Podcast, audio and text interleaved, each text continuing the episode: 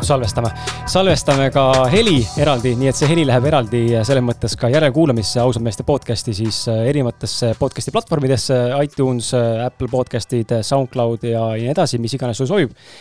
nii et äh, kui soovid järele kuulata, järele vaadata, siis äh, see on parema kvaliteediga tulemas. Äh, ma tõesti lootsin, et ma saan äh, nendest mikrofonidest sulle suunata heli ka telefoni, mida ma kasutan praegu Aus meeste podcast'i salvestamiseks ja samal ajal siis kaks arvutit, mis jooksevad nii Apollo raamatupoe Facebooki ja samuti ka Million Mindseti Facebooki.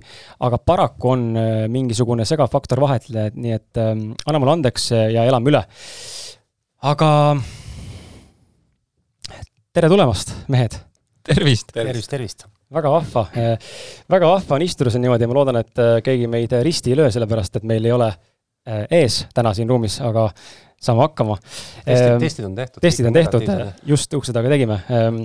sissejuhatuseks kiired paar momenti üle, paar punkti üle ja siis juba lähmegi edasi et nagu ma ütlesin, siis tegemist on tõesti raamatuesitlusega, veebi raamatuesitlusega siis nii-öelda. ja, ja see läheb kolme erinevasse kanalisse korraga, nii et tere tulemast vaatama-kuulama ja ühtlasi ma tuletan meelde, et Apollo raamatupoodides on käimas praegu raamatukampaania Eestist armastusega, mis kestab alates kolmandast veebruarist kuni esimese märtsini, kus ka raamat Kontaktis endaga on tegelikult väga ilusti esindatud, nii et kui sa ei ole veel seda raamatut äh, tarbinud, lugenud, katsunud, äh, näppinud, muljunud, hoidnud äh, või mis iganes kinkinud kellelegi ostnud, siis ole hea, sul on see võimalus täna teha seda raamatupoodidest või Miljoni kodukalt või kriskala.com koduleheküljelt Eh, minu lehekülje eelis on vist see, et saab siis kaasa pühenduse. kui eh, tahate raamatupoodi pühendust saada, siis tuleb eh, Apolloga läbi rääkida, et mind sinna kirjutama saata, siis ma olen võimeline tegema seda ka. aga ma annan äh, sõnajärje Kristole üle, Kristo on, äh, ma annan teada ka, et Kris, kui mina olen tavaliselt Ausmeeste podcast'i saatejuht, siis täna Kristo võtab äh, selle Krisi rolli nii-öelda piltlikult öeldes üle ja, ja navigeerib ise siin maastikul ja ma olen täna hoopis nii-öelda siis natuke rohkem külalise rollis. jah, nii me kokku leppisime, et minu esimene nii-öelda roll on see, et, et kahe sõnaga rääkida, mis asi üldse ausad mehed podcast on. et ma kiire sellise tausta ütlen ära, et kui Kris äh, esimest korda selle välja tuli, siis ma noh, esimesest sõnast sain väga hästi aru, et noh, et ausad, aga et no miks just mehed, et mis siin siis nagu on. aga tegelikult äh, olles ise saates ka käinud ja, ja teisi päris palju kuulanud, siis äh, äh, podcast keskendub äh, mitte ainult meestele, ta keskendub tegelikult meie endi äh, isikliku arengu, ise niisuguse eneseteadvuse, just nimelt see, nagu see raamatki ütleb, et iseendaga kontaktis olemise lugude jutustamisele ja Äh, kõige suurem võib-olla nagu põhjus seda saadet kuulata on äh, saada motivatsiooni, saada häid ideid, mõtteid äh, isikliku arengu ja isikliku elu muutuste jaoks, ükskõik mis valdkonnas ja ja ausad mehed on hästi laia ampluaaga, et, et ütleme otse välja, et seal käivad ka naised juba ammu, eks ole. et see ei ole ainult meestele suunatud. ja teemad on elulised, vähem elulised, kaugemad ja lähemad, nii et tegelikult äh, Äh, pealkiri on petlik, ärge keegi sellepärast jätke kuulamata, et äh, seal on sõna mehed ja, ja aga ausus on märksõna küll, et äh, räägitakse asjadest nii, nagu nad on ja, ja nii, nagu nad võiksid olla.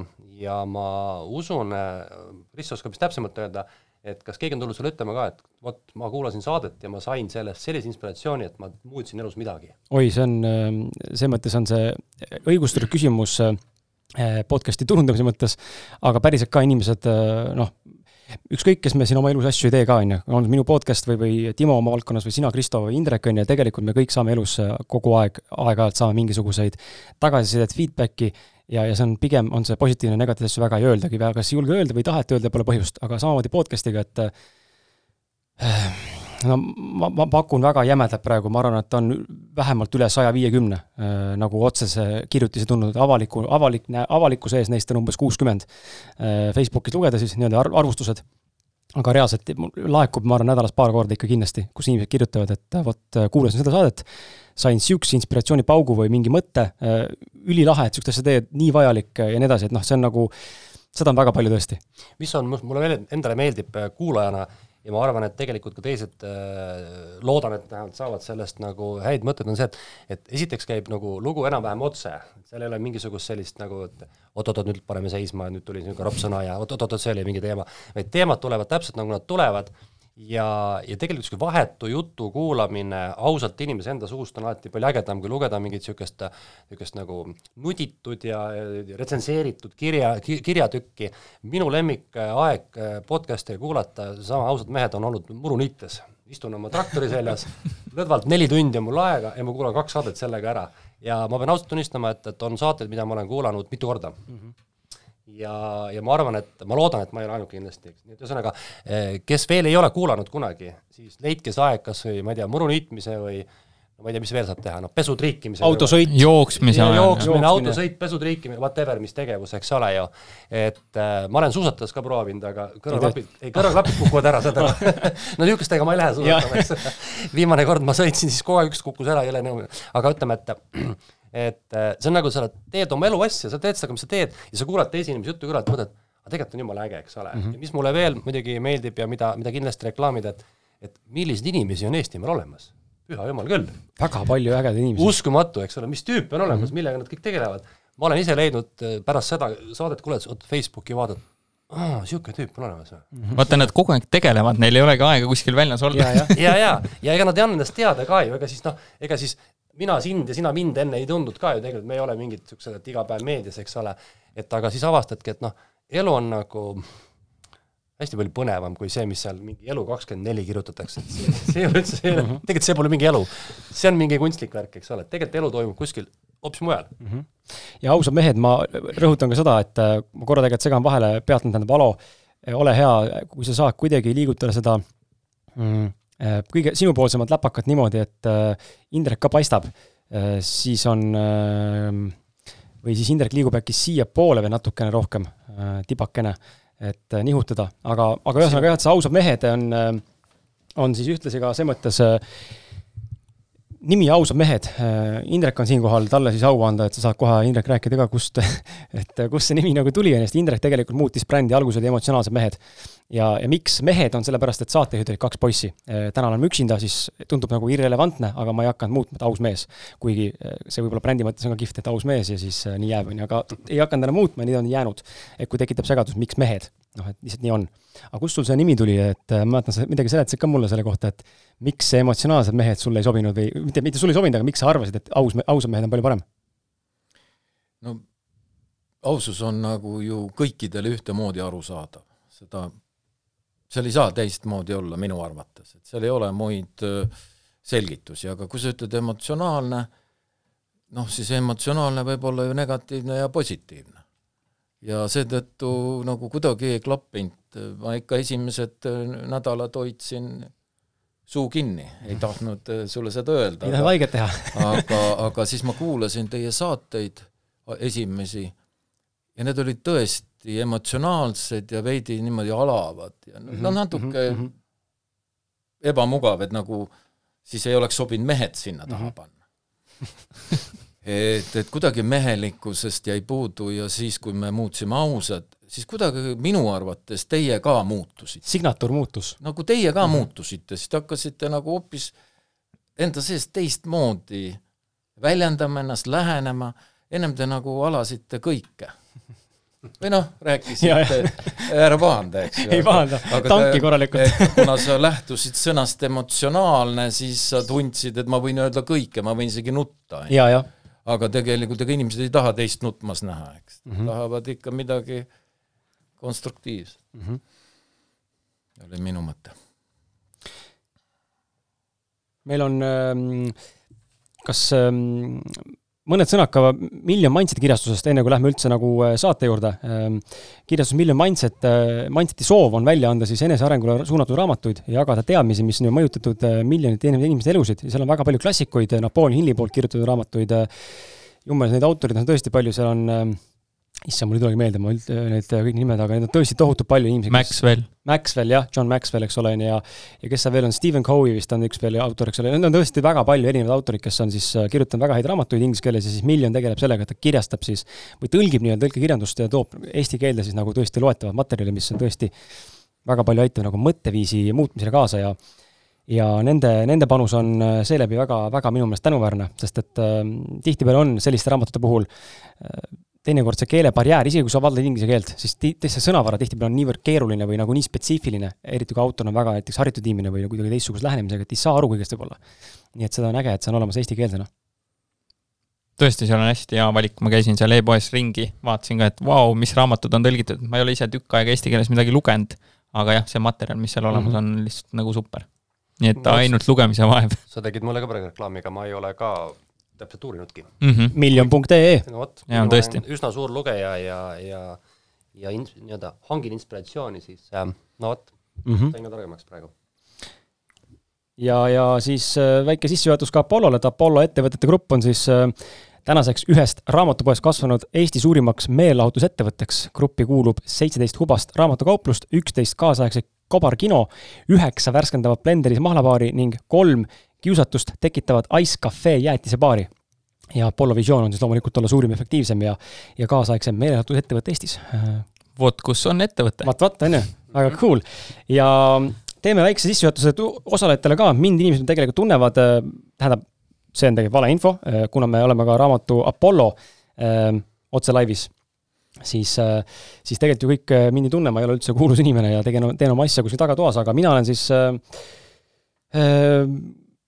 silte ei kasutaks enda puhul, ei taha üldse sildistada, aga olen kirjutanud tänaseks kolm raamatut, kolmas on siis siin mitte ainult minu enda sulest, aga ta on ähm, kombineerituna mitme inimese sulest.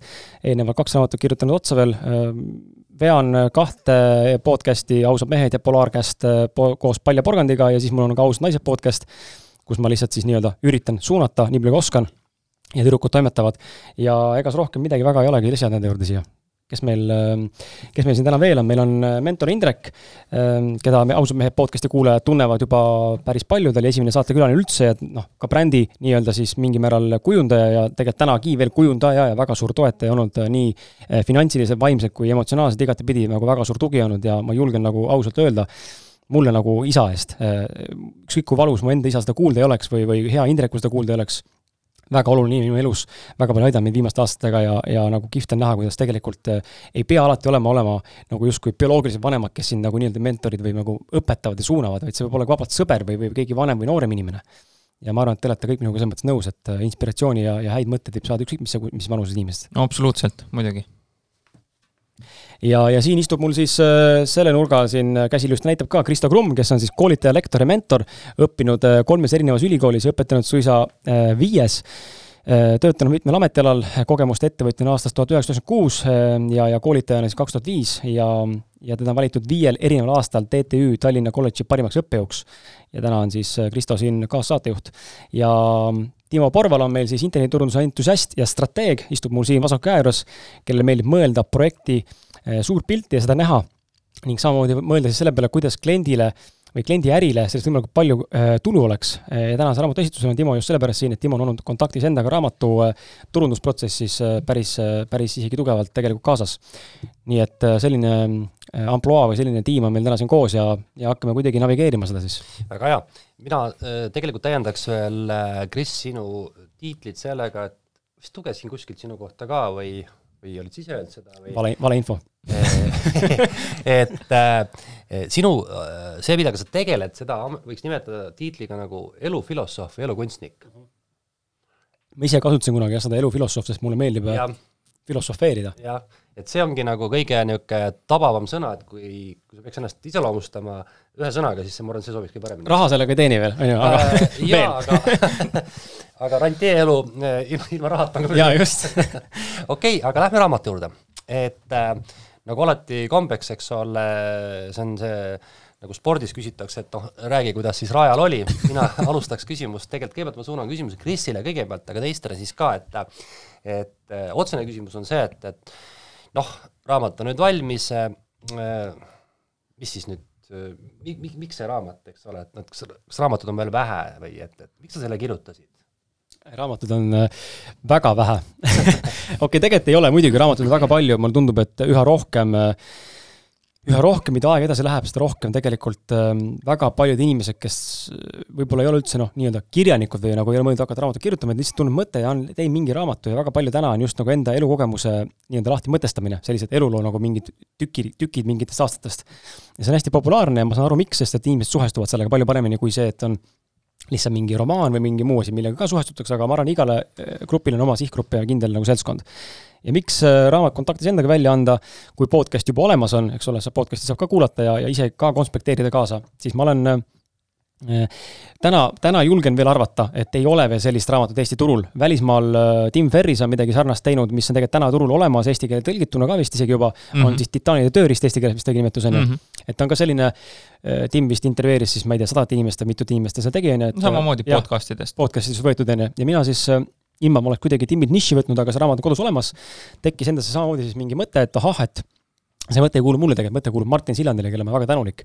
Äh, aga koos täiendasime seda ja siis tekkiski niisugune idee, et okei okay,, et aga mis kasu sellest on, kui inimene saab äh, podcast'i materjali siis nii-öelda kirjalikult endale kätte ja seda lapata, lugeda ja koos illustrati-, illustratiivide, illustratsioonid tähendab piltide, asjadega ja ja ma arvan, et äh, see on äh, jälle sama, sama, sama asi, et üks on see kuulamine, üks on vaatamine ja kolmas on lugemine. me ammutame informatsiooni erinevalt, me, me suhestume informatsiooniga erinevalt ja teinekord äh, üks sama lause kolmest erinevast kanalist või kolmelt erinevalt inimeselt mõjub meile hoopis teistmoodi, on ju, et äh, ma arvan, et see on see põhjus, miks see raamat võiks olemas olla ja miks ta täna olemas on. Ja ta on äärmiselt üks suur mõnus niisugune kolmsada kuuskümmend kaheksa lehekülge inspiratsiooniallikas, lihtsalt võta, loe niisuguseid väikseid mõtteid mm. -hmm, väga hea. Äh, ma küsin Timo Indreku käest, et äh, nagu teise nurga alt, et te olete ka raamatuga kindlasti kursis, et äh, kui sa nüüd peaks nagu, peaksite mõlemad nagu ütlema, et milleks siis raamatut peaks lugema, et mis see nagu lugejale annab või mida, mis on see nagu mingi paar soovitust, mõtet, noh, võtad riiulist ma arvan, et kindlasti on see enda mõtte nii-öelda maailma avardamine, et sa näed, kuidas teised inimesed mõtlevad, käituvad, sealt võib-olla mõned, mõndade inimeste mõte sulle võib-olla isegi nagu ei meeldi, sul on hea saada ka mingit eh, teist nurka.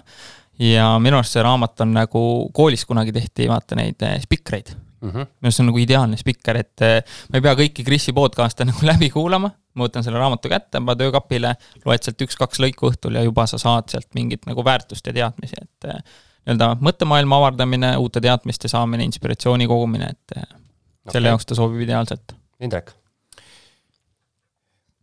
mina arvan ka, et see raamat sobib ideaalselt äh, inimestega, kes soovivad alustada ja tegelevad juba enda sisemaailmaga. sest et äh, paljud siin kiires maailmas ei tegele sellega, aga see, kellel on väikegi huvi, siis äh, see on minu arvates ideaalne kas või esimeseks käsiraamatuks võtta ja ja tutvuda erinevate inimeste lugudega, sest et seal on tõesti äh, hämmastavaid lugusid. kas või kohe meenub üks, üks kutt, ma nime ei mäleta, kes arvas, et kogu elu on suhe ja, ja naine läks ta juurest ära ja tal oli enesetapumõtted ainult peas. ja kuidas see inimene siis välja tuli sellest kõigest, kuidas ta hakkas enda vaimu ja enda sisemaailma treenima, mõtestama ja üldse elu mõtestama.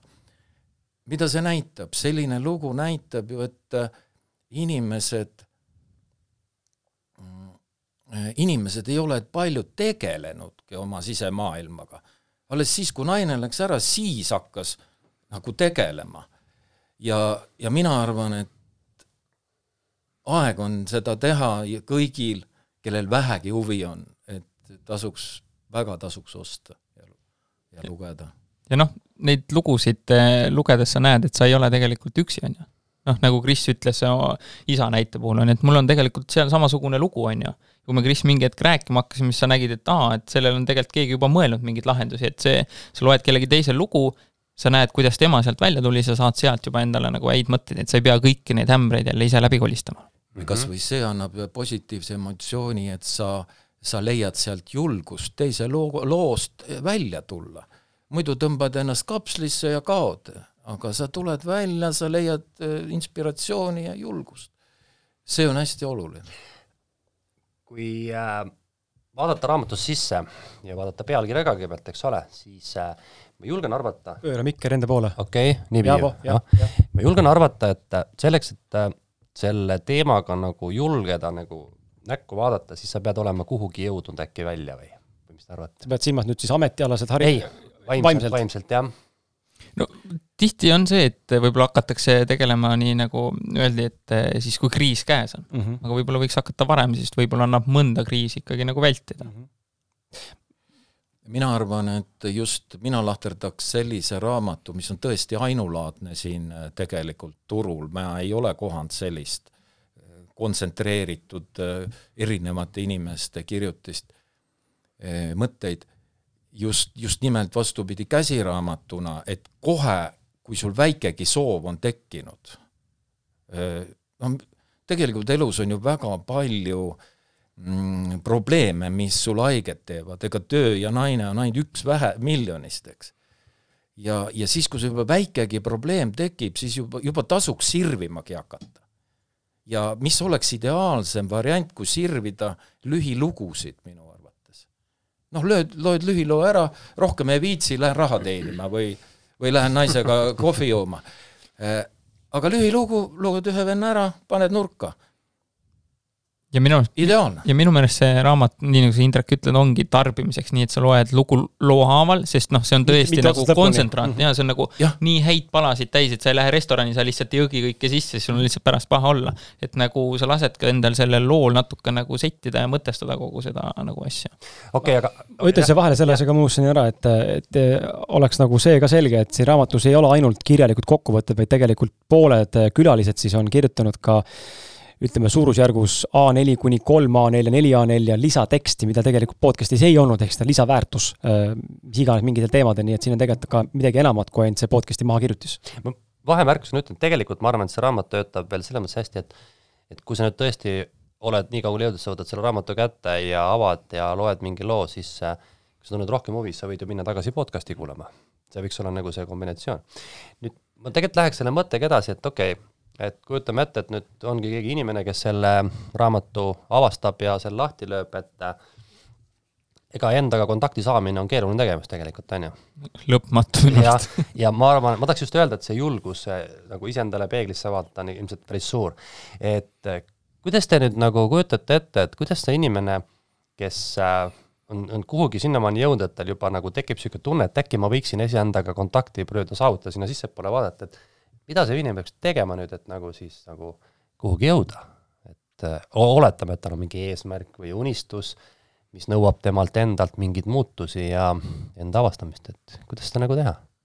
noh, üks asi see, et sa pead kindlasti selleks valmis üldse olema, sa pead ise tahtma ja siis minu meelest on vaja võtta selleks aega, et ma ei tea, meditatsioon sobib selleks väga hästi.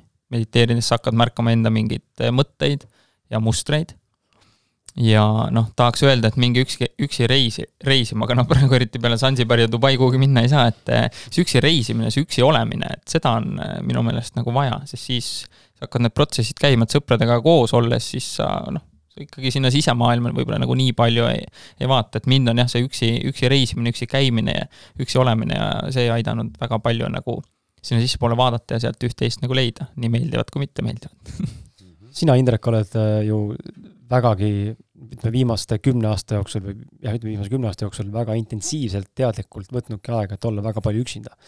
kas äh, see, mis Timo praegu rääkis, on see, mis ka sinuga samastub, resoneerub ja toetad seda või kas sa midagi tahad lisada või, või pigem nagu, mis sa oskad siinkohal kaasa rääkida, kas see üksi olemine on üks nagu sellistest äh, võtmeteguritest, millest võiks alustada? jaa, kindlasti ma olen kõikide punktidega nõus Timo, Timo jutust ja aga küsimusele vastates, täp-, sa küsisid, et kuidas üldse alustada, vaata esim-, esimene ongi, nagu ka Timo ütles, on see, esimene peab tekkima üldse soov. soov on kõige alus ja, ja enese väikselgi määral märkamine. et sa pead märkama iseennast, et ma tegin midagi valesti noh, õigesti me teeme kõik, ühiskonna poolt saame kiitust, siis me teame, et me tegime õigesti, eks ju, kõik on rahul minuga. aga nüüd on küsimus, et iseendaga jah, inimesed nagu Timogi ütles, et ei vaata enda sisse, nad lähevad sinna, sõbrad annavad tunnustust, kõik annavad tunnustust ja ongi nagu kõik hästi. aga kas on, on küsimus, ju ei ole ja aga sellega ei tegelda ja nendel inimestel on ka väga raske soovitada, et nüüd hakka enda sisse vaatama. sul peab olema ikkagi see soov, siiras südamesoov ja, ja nagu sa mainisid, mina, minul oli tohutu soov saada selgeks meditatsioon ja just äh, mitte ainult meditatsioon meditatsiooni pärast, vaid mul oli soov saavutada sisemine rahu. Sest et noh, ma olen märganud siin elus, et kõikide, absoluutselt, mida iganes ma ei tee, kõikide asjade alus on sisemine rahu. no ka, ka kõige pisem asi, kas või nõudepesu, kõige, kõige pisem asi, kui sa teed seda närviliselt, siis on ju päev pekkis või pool pekkis. et, et seetõttu ma väga soovitan, kellel on väikegi kübeki või kübeke soovi, siis ostke ja hakake seda raamatut lappama lihtsalt. ja ka kiidan veel raamatu ülesehitust, seal on niisugused mõtteterad välja toodud suurelt ja kontsentreeritult või noh, nagu paksus kirjas. et ei peagi, kui ei viitsi isegi lugeda, lugege mõtted läbi, on ka juba väga hea ju mm. -hmm väga hea. Eh, noh, me, eks ole, jõudsime sinna välja, et et eh, noh, te tõite juba praegu praktilisi näiteid, kuidas nagu seda kontakti saavutada, eks ole. Eh, iseendaga olemine muuseas on hirmus asi, ma ütlen. jube, sellepärast ongi, minge üksi restorani, proovige, kuidas on istuda üksinda. mul osaliselt ei õnnestu üldse nagu üksinda väga mõnus, ma istun kõrtsus kogu aeg üksinda, nii naudin. mina käin kinos näiteks üksinda, väga hea on, mulle ei meeldi seal teisi inimesi, kes krõbistavad popkorni kõrval. kinos sa vaatad jälle filmi seal, sa ei ole ikka rahulikult. jah, no see on niisugune, see on see esimene samm üksi olemisel, eks ole. aga, aga, aga lähme edasi veel, et, et oletame, et inimene ei ole praegu raamatut kätte võtnud ei julge või, või arvab, et ei tea, kas on vaja, et et ja jagame veel mõtteid, jagame mõtteid ise, et, et kuidas nagu seda iseenda kontakti saavutada, et et kuidas te nagu ise olete teinud mingeid valikuid või otsuseid või muutusi oma elus tänu sellele, et nüüd ma vaatasin sisse, vaatasin peeglisse ja ma leidsin endas mingi inspiratsiooni midagi muuta, midagi teha, tooge mingeid häid näiteid. ma arvan, et sa selle peegli jutuga trigerdasid kohe mulle endale ühe loo, kus ma üldiselt olen selline üsna distsiplineeritud, mulle meeldib seda olla, see on nii-öelda, käib selle minu brändiga kaasas, aga see on selline sisemine mul. ja siis ma ühel hetkel vaatasin peeglisse, sealt vaatas vastu saja ühe kilone Timo tõsi ka või? sa oled nii suur olnud või? praegu kuuskümmend ma vaatan. viiskümmend kaheksa olin hommikukaalu peal no, et see XS-i suuruses särgid lähevad selga. aga vot see oli see pilt, mis mulle ei meeldinud ja see oli tegelikult väga pikalt olnud, aga millegipärast ma ei olnud julgenud sinna vaadata ma ühel hetkel sain aru, et kurat, see ei ole nagu õige asi.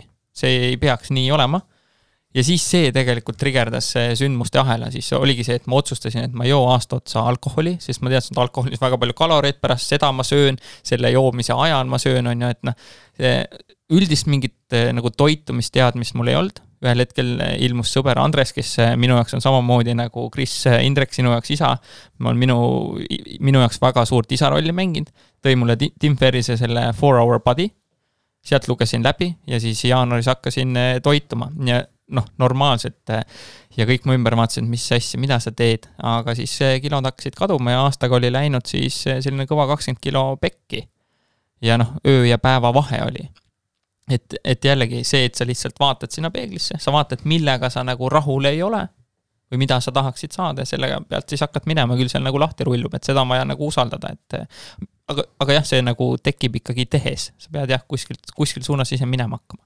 okei okay ma pärast küsin sult selle kohta veel juurde, jaa, aga Indrek? minul hakkas kõik pihta sellest, et äh, absoluutselt noh, väga-väga paljud asjad ajasid närvi. no naturaalselt närvi ja, ja noh, oli juba elatud ka ja, ja siis ma enda sees mõtlesin ja arutlesin, et äh, no see ei ole jätkusuutlik, ma ei saa ju niimoodi närvihaigena ju lõpetada siin. et äh, et see oli mulle üks väga tugev tõuge alustamaks. ma tahtsin kohe teada, kuidas vaimsed isad äh, seda kõike lahendasid enda sees. ja teine tõuge oli see, äh, see väga ajas närvi, mis oli veel eriti suure tõuke andis, oli see, et äh, see ühiskonna või noh, inimeste igapäeva äh, ma hakkasin kõrvalt nägema iga päeva neid tühiseid muresid. inimesed lahkasid hommikust õhtuni nagu jooksvaid küsimusi. ja ma nagu, mul sai sellest nagu kõrini ja ma mõtlesin, kas nüüd elu ongi jooksvate küsimuste lahendamine. et ma nagu ärkan, siis naine küsib, mis ma selga panen, on ju, kurat, kust mina tean, ja siis äh, kogu aeg on mingid jooksvad küsimused, kas sa piima tõid ja ma nagu, mul hakkas äkki ära sõitma ja sealt ka tekkis see närvilisus võib-olla. ja seetõttu ma tõesti teadsin, et minu puhul aitab vaikus ja mets ja seal ma tõesti kohe rahunesin ja sealt hakkasin nagu abi ammutama. sest et ma ei tahtnud närvihaigena lõpetada. Kris, sinu hea lugu mõni? No ma toon hilisema näite, mis mind on nagu juba sellel teekonnal olles, ma olen üks kümme aastat natuke rohkem tegelenud selle nii-öelda siis meele või vaimse poolega, mis iganes äh, keegi nimetada tahab, esoteerika või pole, mida see on, elufilosoofia. mind viimasel ajal ähm, just nimelt nagu see kontakti endaga jõudmine ja see endale otsa vaatamine on pannud, äh, loomulikult äh, ka kehakaalu probleemid on esile tulnud, samamoodi peeglist vaadates pole rahul sellega, mis täna oled, siis tuleb hakata tulemusi tegema, on ju, või samme tegema selles suunas, aga ma alles hiljuti mõistsin äh, näiteks seda, et me räägime, me räägime tihtipeale ühiskonnas sellest, et enda nõrkusi tuleks aktsepteerida, tunnustada ja nii-öelda nagu võtta vastu, eks ole, on ju, ma olen kuskilt äh, paks, ma olen võib-olla kuskil peenike, ma olen rumal, ma olen seesamatu, toosamatu, mis iganes veel, et aktsepteerime neid pooli, et need on ka okeid. Need ongi okeid, aga samal ajal me tegelikult, äh, mina vähemalt mõistsin enda jaoks, et ma olen ka enda tugevusi, pean olema võimeline aktsepteerima ja, ja ma mõistsin seda siis, äh, miks ma täna kiilakas olen ka, see otsus lõpuks tuligi sellest, et ma ajasin oma patsi maha, sellepärast et ma nägin, et see kiilasus mitte, et oleks nüüd mina nagu midagi väga olulist mängis rolli, aga mingi signatuur oli sellele, selle juuste ja selle nagu olemusega, mis tekkis, oli nagu kaasas. ja see ei olnud päris mina. ja mina sain sellest aru, et minu see brutaalne ausus, mis on siis selline, ütleme vahepeal vulgaarne ja roppuste kasutamine, mis ei ole üldse parasiitsõna, aga vahepeal ma ütlen äh, perse ja midagi muud veel juurde, on ju, siis see on see, mida ma olin endas hakanud maha suruma, sellepärast et mul oli keegi äh, öelnud, ma tean täna täpselt, kes see oli, aga keegi oli öelnud midagi mulle minevikus, et see ei ole okei okay.. ja ma olin selle maha surunud, aga see on see, mis teeb minust minu, see ehedus. see autentsus, see ehedus, see siirus, see, see nagu see toores sina olemus on ja see külg. nii et äh, mina tooks just nagu selle välja, et endaga nagu tegelemine on, on aidanud mul avastada ka enda päris tugevusi ja päris olemust, saada sellega nagu rohkem tagasi taas kontakti. ja ma pean tunnistama, et nii kui see muutus toimus, elu hakkas igas valdkonnas minema paremaks ja mitte niimoodi, et ma räägin mingisugusest ehm, noh, mingist sugusest, ma ei tea, halja tolmust, eks ole, et järsku hakkasid lilled taevast kukkuma ja midagi muud, aga aga reaalselt läks rahaline olukord natuke paremaks, emotsionaalselt oli kergem olla. mul elu hakkas rohkem tooma pakkumisi, võimalusi, tutvusi, midagi sai nagu jooksma, sest ma tegin mingi muutuse sinna, kus ma tegelikult olema peaksin. ma ütleks, et sa julgesid nüüd, eks ole, hoopis teistmoodi elada, on ju? Võiks nii öelda? jaa, julgesin, julgesin ka enne, aga mingi, mingi paar aastat oli nagu see julgus nagu mingi, mingil määral maha tambitud. kadunud. kadunud, peidus. no see ikkagi, see on mingi julguse avastamine, mida sa tegid. muuseas, ma vahemaks ütlen, mulle abikaasale väga meeldis su soeng praegu. kiilakas olema? ta ütles, et jumala äge, Kris näeb jumala cool. välja ja, ja kui keegi võib-olla kuulajatest äh, mõtleb seda, et kui kaugele ma sellest päris minast läinud olen, siis äh, üks asi, mida me, mille peale ma ise olen päris palju mõtisklenud, on see, et äh, milline sa lapsena olid milline sa, väikse lapsena olid, enne kui ühiskond hakkas sind julmalt, noh, vanemad loomulikult suunasid, aga mida sulle teha meeldis, mis sind naerma ajas, on ju, mis sul hästi välja tuli? et kui sa tegelikult sinna tagasi lähed, siis sa hakkad leidma ka iseendaga juba vaikselt äh, järjest rohkem kontakti. ma, ma lähekski siit edasi, et, et noh, see iseendaga kontaktis olemine ilmselt äh, toob esile kõigepealt need noh, esmased probleemid siin, eks, kehakaal, närviajamised, eks ole, tühised probleemid, eks ole, äh, enese mingi mahasurumine, et et tegelikult on ju endas võimalik avastada hästi palju asju ja nüüd on küsimus, et kuidas nagu ära tunda see, kes sa tegelikult oled. on seda raske teha või? sa võid ju olla kes iganes, sa võid olla niisugune teistsugune kiilakas pikkade juustega popstaar või hoopis niisugune noh, niisugune, ma ei tea, looduslähedane inimene, et kuidas sa nagu ära tunned, kes sa tegelikult oled paljud inimesed ilmselt äh, noh, kui te vaatate ringi, siis ma arvan, nad otsivad hullult ennast. kõigepealt alustavad välimusest, eks ole, soeng, riided, värgid, särgid, kõik uhked autod, noh, sinna-tänna. Nad arvavad, et nad on sellised, no siis nad proovivad teiste asju, hullud sporti tegema, triatlonid, maratonid, värgid. aga nad ei, ei pruugi üldse ennast üles leida, et, et äkki on häid soovitusi, kuidas leida see endasse, noh, see nii-öelda just nimelt see intuitsioon või see, see, see sisemine hääl, mis ütleb, et vot see oled sina, sa oled see õige sina ja julgeda seda olla ma arvan, et see ei juhtugi sellise ühe valgustatud hetkega, see ongi pikaajaline tee, sa hakkad kuskil suunast minema, vaatad, mis sulle istub, mis sulle meeldib, kus sul on tõesti energia, nii et noh, ma ei tea, töö mõttes sa kaod, võid tundideks ära kuhugi kaduda, versus see, et noh, kui ma peaks täna hakkama raamatupidamist tegema, siis ma olen täiesti kindel, et ma ei ole raamatupidaja, siis ma lihtsalt lähen kohe, kohe närvi, mulle ei meeldi need numbrid ja kõik on halb, on ju. aga tihti on see, et sa kuskil suunas hakkad minema, siis sa korrigeerid lihtsalt seda järjest. Aga sa vaatad, mis sulle endale ka sisemuselt tegelikult eh, seda rahu ja rõõmu nagu pakub. ja sa pead eh, neid tegevusi tegema, tehes mõtlema ka seda, et eh, et kas sa teed seda selle jaoks, et kellelegi näidata, see on nagu maratoni jooksmist, et ma olen teinud igasuguseid ultrahullusi ja seal taga on väga palju olnud seda, et ma kuidagi tahan näidata sõpradele, et ma nagu suudan, ja ühel hetkel sa saad aru, et sa teed ikkagi mingeid tegevusi ainult iseenda jaoks. Sa isegi ei pane neid Facebooki, et ma hakkan maratoni jooksma, vaata, et kui sa juba seda teed, siis see on võib-olla nagu, see ei ole enam sinu päris soov.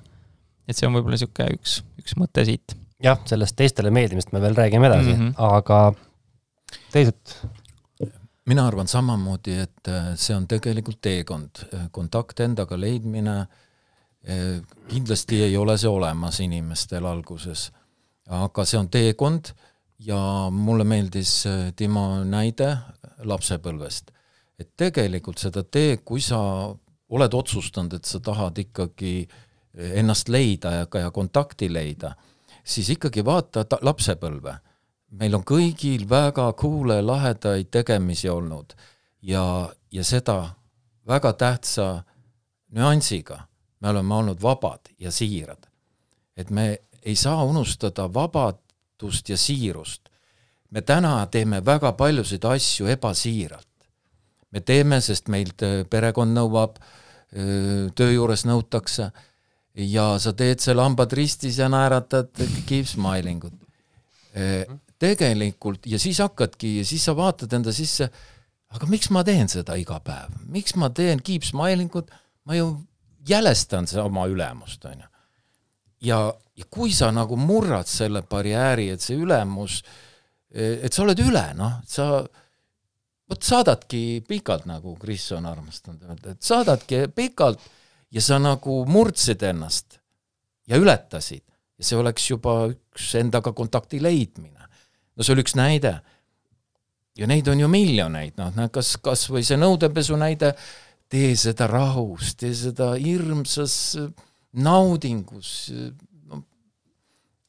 järgmine, neid, ja neid on nii palju, neid samme, mida võiks katsetada, et, et ennast leida.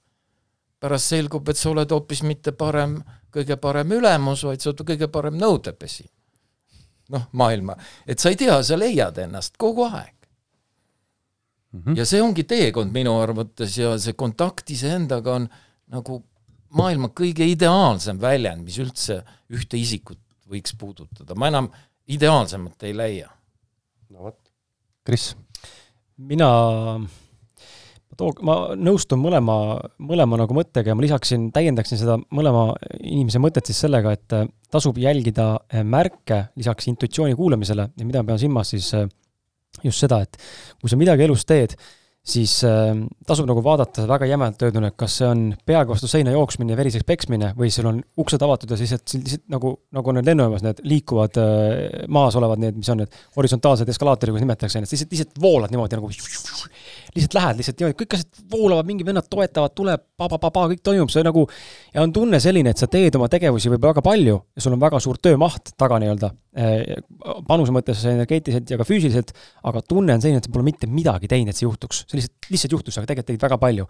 et tasub jälgida neid märke, mina olen hakanud seda nagu nägema enda pealt, et äh, mingite tegevustega äh, asjad töötavad, liiguvad, tulevad tulemused ja mingi tegevusega absoluutselt mitte midagi ei tule, tee, mis tahad, võta või kas või kümme sõpra appi, aga no ei saa sealt, ei, tule tulemust. seega järelikult see ei ole võib-olla see koht, kuhu sa peaksid suunama või sa oled väga loll veel ja sa ei tea, pead ennast harima, on ju, aga pigem on see, et see ei ole võib-olla see teema, millele pead täna keskenduma. ja muidu, ja muidugi keeruline on vahel see, et need märgid võivad olla, noh, kui ma hakkasin eh, pikemaid otsi jooksma või ma hakkasin uuesti üldse jooksma pärast eh, keskkooli, no märgid on kõik see, et mees, ära tee noh. Raske, see on mastik.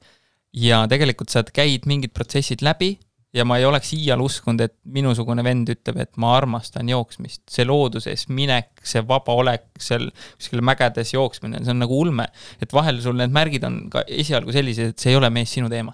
ekslikud nii-öelda. ja, ja see, ja see võib ka olla see, et sul on vanemad kuidagi midagi öelnud, koolis ju jooksmine oli ainult nagu oksendamiseni ja lõigud ja kuuper ja noh, kõik oli halb, on ju. siis tuli treener kolmekümneselt, ütles mulle, et Timo, rahulikult võib ka joosta. Jube mõnus oli, on ju. et, et jah, need märgid võivad olla vahel ka sellised petlikud, et see ei ole jah, seda, seda kontakti endaga ei ole tõesti vahel üldse kerge leida. ehk siis ma saan aru, et tegelikult me räägime sellest, et sa pead nagu julgema teha erinevaid asju, julgema näha märke ja julgema katsetada ja, ja vahel ka nagu saama aru, et noh, nagu Kris ütles, et kui sa nagu kümme korda teed sama asja, tulemus tuleb, sa pead aru saama, et see ei ole praegu see. üks, üks võib-olla nõuanne ka või mida ma enda puhul püüan rakendada, on see, et sa julge olla loll julge teha nagu vigu, et eh, sama, ma jooksma hakkasin, võtsin täiesti uue ala, enne ma mängisin tennist. siis sain selle jooksmise asja selgeks, võtsin lohesurfi. noh, esimesed kaks hooaega Vietnamis ma lohisesin mööda vett lihtsalt nagu piinlik, noh, lihtsalt saa sõitma, täiesti haige.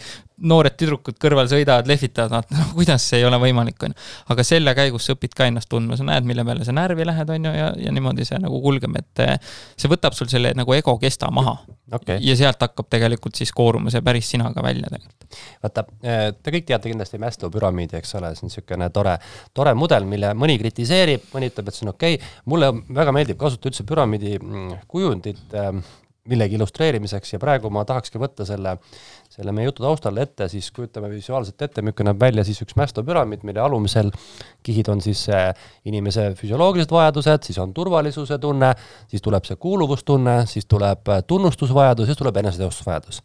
et äh, tegelikult noh, see ideaal peaks olema, et sa, sa ühel hetkel jõuad sinna eneseteostusse välja, mis on ju tegelikult see, no see ilmselt mingisugune noh, ülim ta ei saa olla, aga ütleme, et üks sihuke päris juba kõva tulemus iseendaga tegelemisel, eks ole.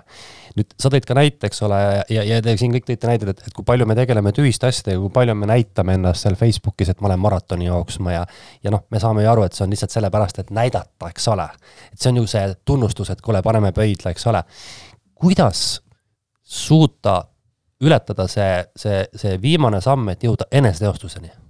kuidas leida üles see, milles sa tegelikult oled hea, mida sa teed sellepärast, et sa teed iseendale seda, mitte sellepärast, et näidata, et sina käid jooksmas, sina teed podcast'e, sa oled looduses, eks ole, mina teen mingit kolmandat asja ja meie siin äh, stuudiomees seal ekraani taga teeb veel neljandat asja. et kuidas nagu sinna jõuda? olete te sinna siia jõudnud või? olete kindlad, julgete öelda, et te olete eneseteostuse tasemeni? ei, kindlasti ei ole. ei, pane, olen... ei pane kassipilte enam ülesse? ma olen sinna kindlasti alles teel, et ma olen astumas seal mingeid esimesi samme ja ma olen õpilane, nagu ma arvan, iga teine, aga võib-olla esimene hea samm on see, kui sa küsid endalt, hakkad, hakkad küsima enda tegevuste kohta, miks ma midagi teen.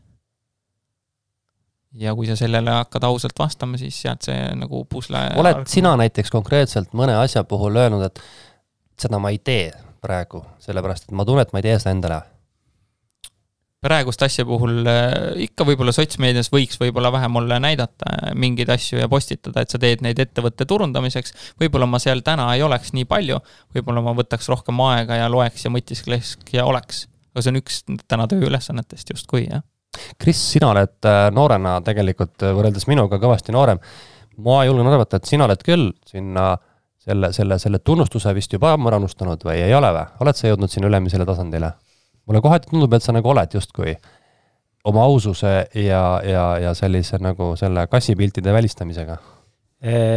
ei, ma arvan, et mitte, see on just täna eile või, ma panin eile ühe pildi üles äh, Instagrami story'sse ja täna hommikul ka ja siis ma tegelikult äh, nii kui üles panin, äh, väga harva postitan midagi endast üldse, mul on ka nüüd ainult niimoodi, ainult reklaam või mingi tootemüük reaalselt, rohkem ei viitsi, mind huvita. ja siis nüüd tekkis tunne, et peaks panema, eile salvestasin, kuulasin naisega mingi podcast'i, panin siis pildi, eks ole, onju, õhtu hämaruses ja ekraani ja siis vaatab podcast'i. ja siis õhtu hommikul ärkasin enne nelja, eks ole, täna ja lugesin raamatut ja panin selle üles, onju. ja nii kui ma ära tegin selle, siis mu esimene küsimus oli, et nahku ma pidin tegema seda nagu miks, miks ma, miks ma tegin praegu niimoodi? vastus oli? vastus oli sellepärast, et ma tahtsin saada tähelepanu. täiesti aus vastus, reaalselt, ma, ma sain aru tegelikult läbi selle küsimise, et tegelikult ma tegin selle postituse milleks? et saada seda fucking tähelepanu, miks? tunnustust, et oo, vot särk, vot see vend ärkas neli või? mida kuradit, kõva vend onju. mul ei ole tegelikult vaja, aga alateadlikult ma ikkagi tegin selle sammu, läksin tagasi sellesse sotsiaalmeedia mängu. ma ei ütle, et see -hmm. vale on, sa võid teha niimoodi, teisi inspireerida. aga see pole mulle. Aga kukkusin sellesse mängu ja ma arvan, et minul on väga palju täna veel eneseteostust ja e, teistele tõestamist on väga palju veel sees. ma tunnen, see lapsepõlves kaasa tulnud ja ma tean seda teadlikult, kus see murekoht on, gümnaasiumis sai alguse see, aga mul on reaalselt väga suur tõestusvajadus ja ma reaalselt tunni, tunnistan seda ja ma tunnen, ma tegelen sellega väga tugevalt okay.. ma näen, ma näen läbi seda. Indrek, sina oled nüüd küll meil, meie hulgast äkki kõige küpsem või? kas sina oled jõudnud sellesse ülima, ülima sellesse nii-öelda nirvanasse? jaa seda on väga raske öelda, aga mulle väga meeldis sinu püramiidi näide. ja mina pean seda püramiidi näidet äh, nagu suhteliselt täpseks. Äh, sest et äh, me, me tegelikult ei saa väga jõuda vaimsuseni, kui meil on veel väga palju siin elus põnevaid asju teha kui sul on nagu tõesti, Kris on väga noor, tal on veel tegelikult väga palju põnevat teha ja ma arvan, ta ei pühenda ise ka piisavalt äh, aega vaimsusele, sest et tal on veel liiga palju põnevat, et ma ütleks, vot see püramiidi näide mulle meeldis seetõttu, et vot äh, selle viima-, enne viimast astmest sul peab olema umbes üheksakümne, üheksakümne protsendi ulatuses kõrini väga paljudest tegevustest ja asjadest, kõrini. vot siis, äh, siis hakkad minema sügavuti siis hakkavad eh, noh, kas minule meeldivad just sellised sügavfilosoofilised lähenemised, et vaatad inimest ja mõtled, miks ta nii käitub. lihtsalt analüüsin, ega ma siis täpselt iseennastki vaatan, aga kuidagi mul on kõigest muust kõrini, kui ma mõtleks, et et kurat, kui ma selle auto ostan, müün kallimalt, ma teenin nii palju vahelt, siis ma ei saaks ju mõelda. aga mul on kõigest sellest allpool olevast kõrini ja vot siis ma saan, vot ma saan niipidi, usun sellesse püramiidi. noh, see tähendab siis seda, et, et me tegelikult võime järeldada, et noh, teatud mõttes sa pead nagu paratamatult ju need arumised etapid läbima, eks ole, see on, see on selle mudeli loogika. sarved on vaja maha ja sa ei saa ju olla kohe selline särav filosoof ja, ja elada metsas, eks ole, kui sa ei ole kogenud seda, mis tähendab, eks ole, kuskile kuuluda ja seda tunnustust saada. aga nüüd Äh, okei okay,, ütleme, et inimene on nagu sel teel, et ta nüüd ütleb, et okei okay,, ma saan inspiratsiooni noh, siit raamatust, podcast'ist, kus iganes, ja ma tõesti hakkan ennast otsima, siis äh, mis me näeme, mis juhtub, sa tõid ka näite siin, et mis sa jooksed, tennis, äh, surf, muuseas ma olen samasugune et nüüd kas nagu, kas nagu selleks, et nagu otsida ennast, kas, kas sa pead nagu näitama ja proovima olla nagu maksimaalselt hõivatud, et nagu hullult nagu panna power'it erinevatele asjadele või peaks hoopiski ikkagi nagu rahunema ja, ja ütlema, et, et mina olen see ja ma teen ainult seda asja. ja kuidas sinna üldse jõuda? kas tead, sa oled sinna jõudnud üldse või? ei ole, ma räägin, ma olen teel sinna no, ja, ja tead, ma küsisin endalt sama, et noh, miks ma teen erinevaid asju. et nagu mik-, et kas on vaja näidata, ja tead, ma olen jõudnud sinna, et see mulle tegelikult meeldibki, mulle meeldib võtta uusi asju käsile, õppida need kuhugi maale selgeks ja siis mul tavaliselt hakkab igav ja siis ma võtan lihtsalt uue asja.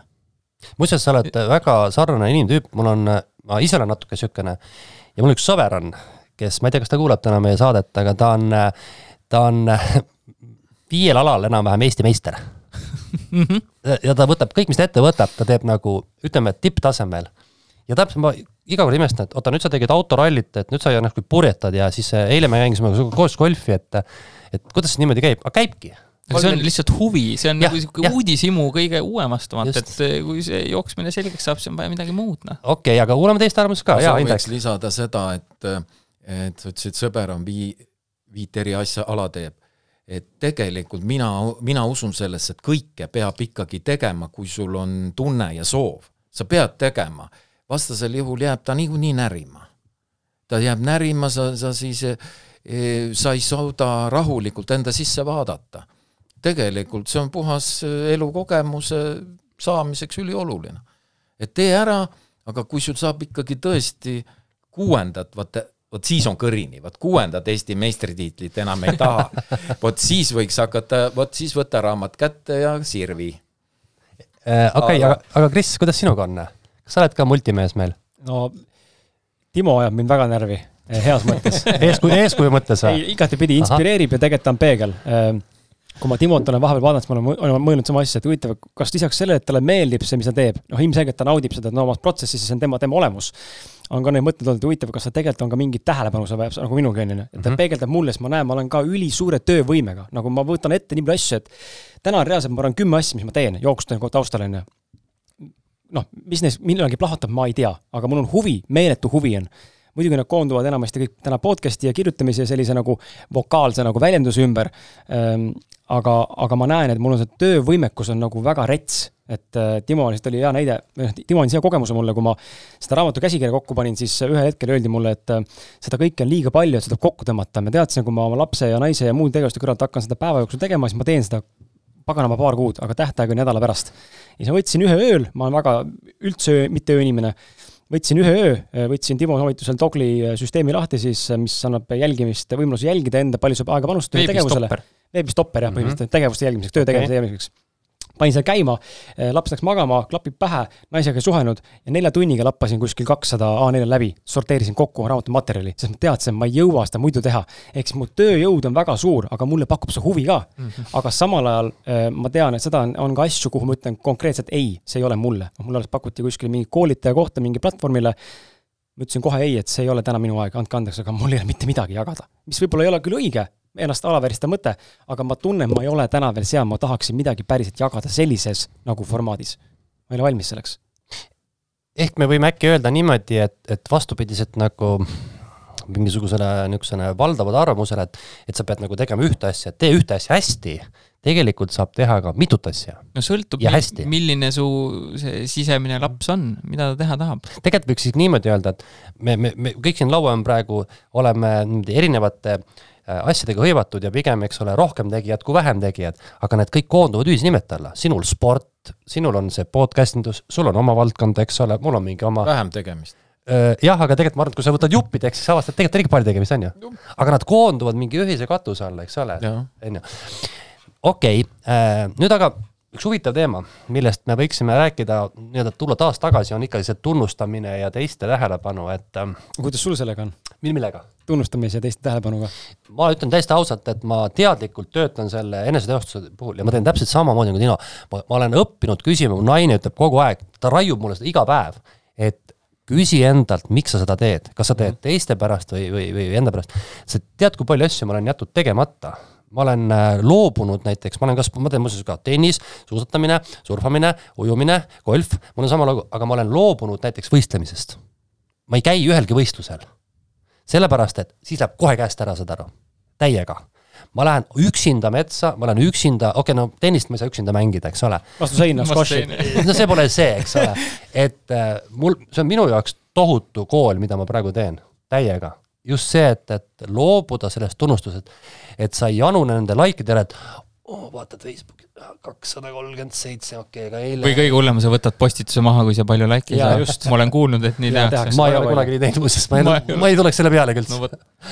et ähm, jah, see on tegelikult see teise tunnus, teiste tunnustuse saamine on nagu, nagu, nagu kuradima raske asi. aga nüüd on küsimus, et et, et korra nagu võiks nagu laiemalt nagu arutada kuulajatele ka, et et, et kas sellest üldse peab üle saama, esiteks, ja kuidas sellest üle saada ja ja, ja, ja noh, kuidas seda, kuidas nagu siis panna nagu kokku see, see nüüd see oma elu, siis oma tegevuste kajastamine, nüüd siis see natukese nagu selle tunnustuse otsimine ja see kuulsus, et kuidas teie sellega toime tulete üldse, kui nii küsida? mul oli, ma olen väga tänulik oma mõlemale vanemale Eh, kes võtsid mul tegelikult selle tunnustuse vajaduse ikkagi juba maast madalast maha. kuidas nad tegid seda? ja nad tegid seda niimoodi, et kui ma tulin eh, koolist koju, ütlesin, ma sain mates kolme, ja siis ma hakkasin, et see oligi nii raske töö ja teised said ka, siis ütlesid, et suva need teised. sina oled Timo. sinu tase on see. ja sealt edasi oligi see, et ma julgesin olla rohkem juba mina ise, et eh, ja ma pidingi olema, vaata. et sealt see nagu tunnustusvajadus ja vahepeal ma tegin kaks aastat sotsmeedia paastu. ilma mm -hmm. ühegi like'ita, jumala hea oli olla nagu täiesti okay. mõnus, et äh, ja sama lihtsalt see jooksu näide, et mul oli eesmärk, ma panin iseendale eesmärgiks joosta ära sada kilomeetrit. Ja siis see treener rääkis, et tead, jumala äge on tegelikult sada miili on ka olemas, siis ma panin endale eesmärgiks sada miili, tegin sada kilti ära. siis ma sain aru, et sada miili ei ole minu eesmärk. ja ma lõpetasin ka oma trennid sellises äh, nagu mahus ära, sain minu eesmärk sai täis, on ju. aga see, kui sa seda teiste nagu tunnustust kogu aeg otsid ja teed midagi, et seda saada, siis sa lähed sellest sisemisest minast nagu väga kaugele. ma ei tea, sa lähed reisima ja mõtled, kus ma saaks kõige parema nagu pildi sinna Instagrami, et lähen või pildistan toitu, noh kurat, no naudi, söö seda toitu lihtsalt ja ole selles nagu hetkes. et sa hakkad tegema sellepärast saada neid likee ja siis sa lähed sellest sisemisest minast, ma arvan, nagu päris kaugele. see on äh, see, hea, et sa Timo välja tood, see näite, see on see, mida mina kogesin enne, kui ma podcast'i tegin, siis võib-olla Indrek äkki teab, ma Timo äkki võib-olla ei tea, aga Kristo vist teab ka, ma tegin Youtube vlog'e, üritasin saada järgmiseks Youtube superstaariks, on ju. Läksin välismaale Euroopasse kolmeks kuuks pärast seda, kui mul oli palgatööst äh, kõrini ja närvid läbi samamoodi. Läksin väiksesse Škoda Roomsterisse elama, kolm kuud elasime seal naisega ja reisisime, mõtlesime, et lähen nagu virtuaalseks ja äh, international rahvusvahelise inglise keeles panen täiega üliägedad reisivideod ja see lõppes kõik lõpuks sellega, et no nii nagu Timo kirjeldaski, sa üritad kogu aeg võtta telefoni või kaameraga neid mingeid imekaadreid, mingid täiesti absurdsetes kohtades, kus sa nagu muidu võib-olla ei oleks ja, ja ei vaataks, et kodus oleks inimestel huvitav vaadata. ja sa ei ole ise enam üldse hetkes. ma tundsin, ma tulin nagu patareisid laadima, maailma avastama, aga mida tegin, ma olin mega rohkem, veel rohkem stressis, ma olin ülinärvis, keegi ei vaata, ma ei oska monteerida, ma ei oska filmida, persse, ma olen mõttetu vend üldse. ja lõpuks lõppes sellega, ma Lissabonis, äh, Portugalis siis äh, tänavatel lihtsalt nutsin, elukaaslane lohutas. ja siis ma sain aru, et Youtube ei ole minu jaoks. see ei ole minu jaoks, see on liiga raske, see ei, see ei sobi mulle. ja siis tuli podcast, mis täna sujub palju paremini. Äh, ehk siis just nimelt sama näide, et sa elad kellegi teise, elad teiste inimeste jaoks, aga see ei ole enam sina, siis on kontakt, vaat see naine läinud juba kuskile mujale. jah jah, mina arvan täpselt samamoodi, et see on suur tunnustuse vajadus on äh, suureks takistuseks endaga kontakti leidmisel. Timo varjas reklaami. ahah. et tunnustuse vajadus on jah, nii nagu eel, eelmainijad, eelkõnelejad siin ütlesid, see takistab enda mina leidmist, sest äh, sa tegelikult ju toidad siis ainult iseenda seda e-, ego ja sa aga sa ei tee nagu, mis on su südamehääl või südamesoov. ja, ja kui sa saad hea tunnustuse muidugi, siis see tekitab adrekat ja sa tahad edasi seda jätkata, aga kui sa nüüd vaatad enda sisse, no sinu näite puhul on praegu hea öelda, et kui kurnav, kui kurnav sa pärast, kurnatud sa pärast oled näiteks sa said hea tunnustuse, kõik, aga nüüd vaata sisse, et kas ma, kas ma olen nagu õudselt sain energiat või said õudselt suure kurnatuse. kui sa saad meeletu energia laksu, siis võib-olla tuleb veel seda rauda taguda ja teha, aga kui sa nüüd oled aus endaga, naisele ära ütle, eks, ja oled kurnatud ilgelt, vot siis on midagi, no midagi viltu sellest tunnustuse tagaajamises ja, ja võib-olla noh, mina olengi ennast võib-olla väljendanud paljudele inimestele äkki arusaamatult, mina, ma meelega ütlen, ma olen mitte keegi. just, ma tegelikult ju olen ikka keegi, lihast ja luust inimene, aga just mitte keegi, mina mõtlesin sealjuures, ma ei aja tunnustust enam üldse taga. et kui ma olen lihtsalt mina, ega siis ma avastasin, ega ma siis äh, vähem väärtuslik ei olnud et siis ma olen lihtsalt mina, ma olen teise, teise nurga alt, näed, Kris kutsus mind saatesse. äkki on nii, nii, nii on lihtsam ka, eks ole, tegelikult. palju kergem, sest see, mis sa selga paned ja mis, mis sa välja näed, see ei ole teiste asi. täpselt õige, jah. ja noh, osadele see niikuinii siin elus ei meeldi ja osadele meeldis see niikuinii mina, mina ütlen alati niimoodi oma koolitustel, et tegelikult ei meeldi enamikele, et kogu aeg ju minu arvates käib üks näitlemine inimeste vahel. käib küll, jah. käib üks näitlemine et miks see võiks olla aus? ma olen väga sageli oma äh, suure vooru loenguid ülikoolis alustanud sellega, et, et äh, räägid noh, loo ära tudengitele, et kuidas asi on ja ütled karmilt ära, et noh, ei saa läbi, kukud läbi ja siis ütled selle peale, et ja et, et ärge üldse muretsege, et, et ähm, kui nüüd äh, keegi hakkab siin niimoodi vihkama mind, siis et, et, et ma tean täpselt, et ega ma ei meeldi teile kõikidele, aga ega te kõik mulle ka ei meeldi. et lepime kohe ausalt selle kokku. nüüd ma tahtsin tegelikult, mul, mul tuli meelde üks asi mm, ja see on rohkem kui ühest raamatust saadud mõte. konkreetselt on see vist pärit sellest kuulsast munk, kes müüs ära Ferrari, sellest loost. just, Robin Sharma raamatust eh, see, see sõnum ja ma olen seda kohanud hiljem veel, et et kui sa kõigest hingest püüdad kuulsaks saada, siis sa seda raudselt ei saa kah. et see, mida sa teed, on see, et teed oma asja, teed oma podcast'i, eks ole ju, ja, ja teed seda eneseteostusena ja usu mind, siis tuleb see tunnustus ja kuulsus ka mina olin sellel teekonnal läbi sellesama Youtube'i ja sotsiaalmeedia no,, ma tahtsin luua kunstlikult väärtust, et ma oleksin tähtis ja teeksin midagi olulist ja ma saaksin eneseteostust. aga see oli vastupidine protsess. eneseteostus oli viimane. siis, kui ma hakkasin podcast'i tegema, sellepärast et ma tahtsin lihtsalt ennast välja elada. ja täna on tulnud need muud asjad juurde, siis hakkas eneseteostusest, hoopis vastupidine protsess. et kui keegi tahab saada kuulsaks, siis otsige üles Tim Ferrise artikkel eh, kuulsuse nii-öelda sammudest, mida see kõik kaasa toob ja siis te saate korra uuesti mõelda, kas te, te seda tegelikult tahate või mitte, et päris hirmutav. muuseas, mul on jube hea asi, mulle kinki, ämm kinkis mulle jõuludeks sellise laua peale panemise niisuguse vidina, kus sa iga päev keerad ette erineva mõtte täitsa pekkis, sõbrad, kus seal on mõtted, seal on nii head mõtted, kõik needsamad, mis me praegu rääkinud oleme, saad aru, iga sellest mõte on selline, et ma teeks Facebooki postituse saad aru, täpselt niimoodi. aga, aga tegelikult ma, ma, ma, ma nagu ise ka veel omalt poolt kinnitan, et see iseenda kontaktis olemise see nagu see kõige suurem tulemus on see lõpuks, ma ütleks, et ikkagi see ülim tasand hakkab sinna jõudma, kus sa teedki asju enda pärast, eks ole ju. et tegelikult oleme ausad, tühja, selle mõne kassi pildi võid sinna Facerisse panna küll, tegelikult on ju niimoodi, eks ole, vahest on tead sa panna nagu õrritusena, nagu ma panin näiteks talvel siukse pildi, et kõik pildistasid mingi hapukapsaid ja verivorste, saad aru, ja ma läksin sushit sööma jõululaupäeval ja panin selle pildi, sest teate, tüübid, et minge pekki oma kuradi sae, sea, sea, seapõrssaga, eks ole. ja veel kusjuures oli mingi koroona, kõik olid hästi, tead, siuksed viksid, viisakad, mina ostsin restoranis sõin sushit, need sõbrad, eks ole. et no see on nagu natuke see nagu tead, nagu kerge nagu nöök, aga tegelikult ikkagi jah et ma arvan, et see on nagu, see on nagu üks selline kontaktis olemise ilmselt üks niisugune üürim eesmärk, et julgedagi olla, kes sa oled ise.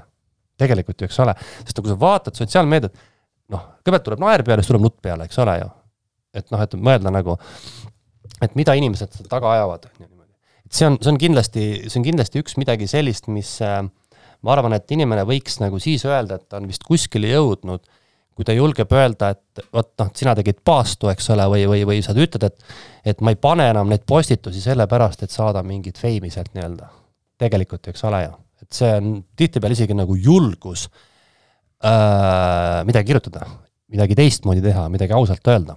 või julgus mitte olla sotsiaalmeedias üldse nagu aktiivne. just sest sind, sest kui sotsiaalmeedias ei ole, siis sind ei ole põhimõtteliselt. aga, aga tegelikult ikkagi oli ja, ja, ja, oli. ja sõbrad harjusid ka isegi sellega ära, ütlesid, et Timot ei saa eventidel kutsuda, ta on vana kool, talle tuleb jälle helistada, natuke läks aega, aga nad harjusid ümber. muuseas, mitmed inimesed on teinud mida, nad on teinud niimoodi, et nad on ennast füüsilise isikuna maha võtnud mm. -hmm.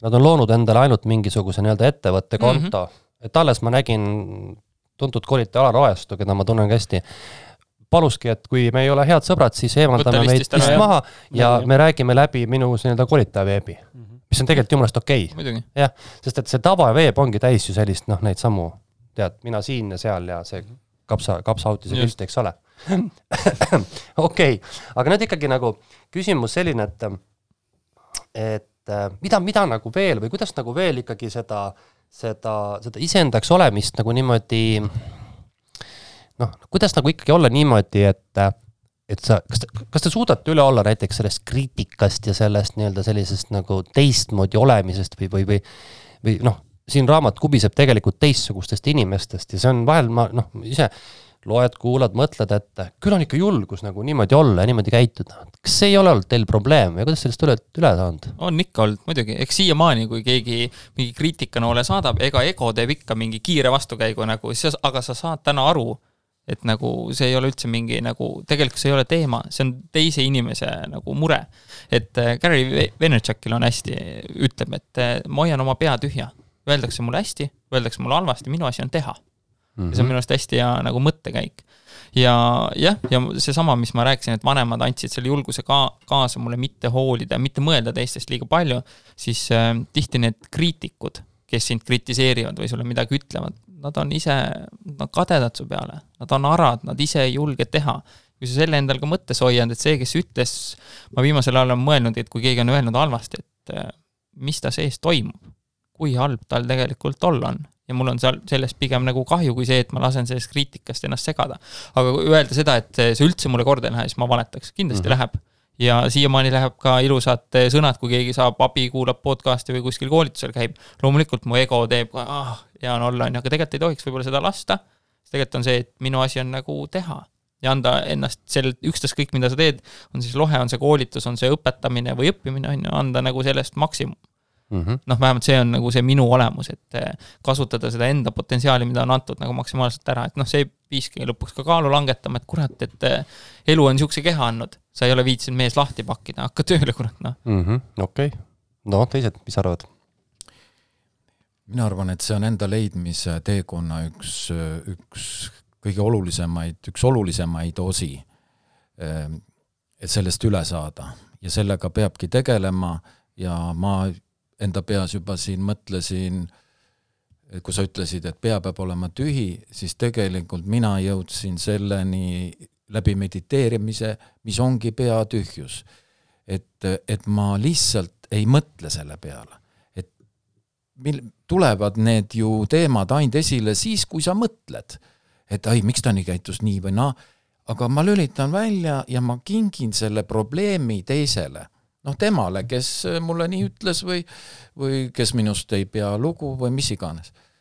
ja seetõttu mina näiteks ei, uskusin sellesse meditatsiooni ja ma lülitasin lihtsalt aju välja ja ma ei mõelnud. aga see kinkis mulle sellise võimaluse, et ma juba homme ei mäletanudki. ma unustasin selle nagu draama ära ja, ja sealt hakkaski kooruma selle meditatsiooni või see tühja pea olemasolu vajadus. sest et tegelikult unustas ka see teine inimene ära selle halvasti mõtlemise või, või lihtsalt paha tuju ajal ütles äkki. ja, ja, ja lõppkokkuvõttes, kui mõlemad võtavad hinge, siis on ju kaks laast, laastunud hinge. aga nüüd, kui mina ära unustasin, siis on üks ainult.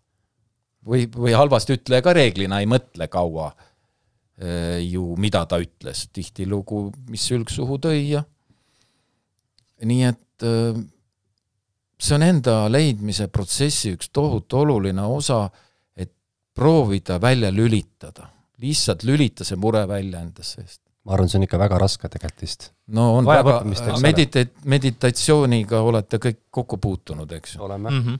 ja, ja meditatsiooni osa on ju hingamisele mõtlemine nüüd, kui sa mõtled äh, hingamisele, siis sul ei ole aega teisele ju mõelda. õigemini sa peadki ainult keskenduma hingamisele. just, aga sa pead mõtlema ja. selle hingamise peale ja keskenduma no tund aega järjest siis kas või aga inim-, see ongi kõige raskem osa, sest minuti pärast tuleb jälle, kurat, ta ütles mulle nii aga, aga siis on ka aga, jah, et sa nagu jõuga peab, no see on aega vaja, lihtsalt hingad, aeglane, rahulik, aeglane, rahulik ja siis lõpuks vajub ära see mu-, probleem. no minu, minul on nii töötanud. ja samal ajal sa võid ka küsida, et miks see kriitika sulle tegelikult korda läheb. ja noh, siis hakkad on, seda kontakti jälle see on see ego värk, eks ole, et ma ei ole nii äge, on ju. Kris, kuidas sina oled tulnud toime oma pettumustega, kui keegi ütleb, et kurat, sa oled üks tropp? no jumal tänatud äh, selles mõttes, et mul on olnud, äh, teekond on mind selles mõttes niimoodi soodustanud, et mitte me nüüd ilgelt erinevad oleksime, me kõik oleme erilised inimesed siin ruumis ja meie vaatajad on kõik väga erilised inimesed, omamoodi erilised igast küljest. aga lihtsalt ma olen ka teinud võib-olla mitte kõige traditsioonilisemaid valikuid äh, ja see on põhjustanud selle, et ma olen sattunud mingisuguse noh, nii-öelda nagu kas siis verbaalse või mingisuguse hukkamõistu alla ja ma olen seda soomust ehitanud väga palju seeläbi, aga ma tunnen, et äh, see on ka teinud mulle karudena, ma olen muutunud kalgimaks ja ma olen muutunud natuke võib-olla mingi, mingite nurkade alt selliseks nagu sulgenud endasse ära.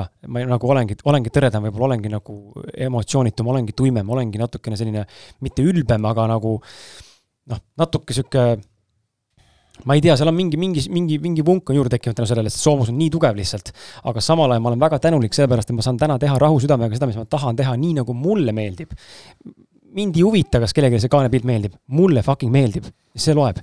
ja, ja. täitsa äge kaanepilt. ja kas ta müüb või ei müü, kas ta müüb või ei müü ka sügavalt, tegelikult, tegelikult täna on sügavalt sõna otseses mõttes mm -hmm. savi mm. -hmm. tore, kui ta müüb, mul on hea meel, kui inimesed loevad, aga ma tunnen, et mind ei mõjuta see niimoodi, nagu keegi ütleb mulle, et see kaanepilt sealt, no see on küll kole, ma paneks teise fondi pannud sinna, no pane siis teise noh, et nagu mul ei ole vahet, aga nagu Timogi, ma valetaks, kui ma ütlen, et mul ei lähe korda. jah, kui keegi tuleb sapisema pritsima, no lähe, lähisuhted on väga rasked, isa ütleb midagi, siis see läheb kohe niimoodi nagu ossa kuri vaim, onju. no muidugi, siis see on nii just, maast madalast just. eeskuju. aga, aga, aga muidu jaa, ikka läheb korda, aga see läheb mööda, see nagu noh, Inne kirjeldas, see läheb, see läheb ära, sest ma ei mõtle sellele, see läheb ära, see tuleb nagunii, nagunii on inimesi, kes, kellele see ei meeldi ma, mul tuli enda puhul üks lugu meelde selle iseenda avastamisega ja selle sama ikkagi selle kuulsuse ja tuntuse ja selle nagu selle, sellesama teemaga, et ma, see oli üks minu üks kihvtimaid ärkamise hetki. ma olen olnud niisugune inimene, kellel on olnud kahekümne aasta jooksul kümme autot. iga kahe aasta tagant ostsin uue, nii Äh, ja siis ühel hetkel siin paar aastat tagasi jõudis moment sinna kätte, kus äh, justkui nagu tekkis tunne, et peaks ka uue auto ostma. ma juba valisin väljagi, tellisin ära ka muuseas. Ja siis, aga noh, auto tellimine neli kuud, eks ole, ja siis selle umbes kuu aega ei läinud tellimust mööda, õnneks ma ei maksnud mitte sentigi sisse, ma sain niimoodi kuidagi noh, lihtsalt telliti. ja siis ma hakkasin nagu mõtlema, et, et oota, aga mul on praegu auto, see on alles kolm aastat vana et kui ma nüüd selle vahetan ära, see on liisinguauto, ma pean selle liisingult välja ostma, tõenäoliselt ma heal juhul tulen nulli sellega, et maksan peale. nii, kohe mul autoraha ei ole, ma pean uue liisingu võtma, pean sissemaksu tegema. aga milleks ma seda kõike teen, milleks? Noh, sellepärast, et äh, ägedam auto ju noh, on ju. kuidas sa sõidad nagu kolm aastat vana autoga, soe pekki noh, saad aru. ja siis ma mõtlesingi üle, et, et kurat, vot see on nüüd see moment, kus ma pean nagu nüüd olema nagu ikkagi nagu mees ise ja ütlema, et see nüüd on see koht, kus ma ei tee seda otsust. ja tead, mul on nagu, ma olin nagu selles mõttes, noh, see on nii pisikene asi, aga ma olin nii uhke selle üle, sellepärast et mul ei olnud seda autot vaja, ma sõidan siin praegu kuus aastat vana, ma sõidan seal ilmselt veel neli, kolm-neli aastat ja jääb mu pojale ka veel ja ja kõik on tore, eks ole, aga see oli nagu see mingi ärkamise moment. mis on teie lood, mida te ei ole veel täna rääkinud, kus te olete ärganud ja iseenda avastanud, kurat mees, vot see on nüüd see koht Timo rääkis siin kaalust ja, ja sina rääkisid vihastamisest ja, ja, ja Krisil on lugusid veel paljugi. äkki on veel mingi lugu, mida te ei ole praegu avastanud, mis on nii äge, kus te olete ennast? ma rääkisin seda siis, kui mul kolmekümne viiendal Krisi podcast'is rääkisin, aga minu jaoks oli kõ-, kõva ärkamise hetk oli see, kui ma lugesin David Teina raamatut Tõelise mehe tee ja sealt lauset, et ela nii, nagu su isa oleks surnud. isa siis ei olnud surnud aga ma sain aru, et kurat, ma olin elanud tema unistusi või noh, ta oli mulle peale kogu aeg surunud, ma kogu aeg nagu tõrjusin, noh, ma ei tahtnud saada teleri parandajaks, ma ei tahtnud maale minna lambaid kasvatama, tahtsin mingit enda asja teha. ja ma tegin juba siis ettevõtlust ja noh, seda ta tegi nagu maha või noh, ei toetanud, vaata.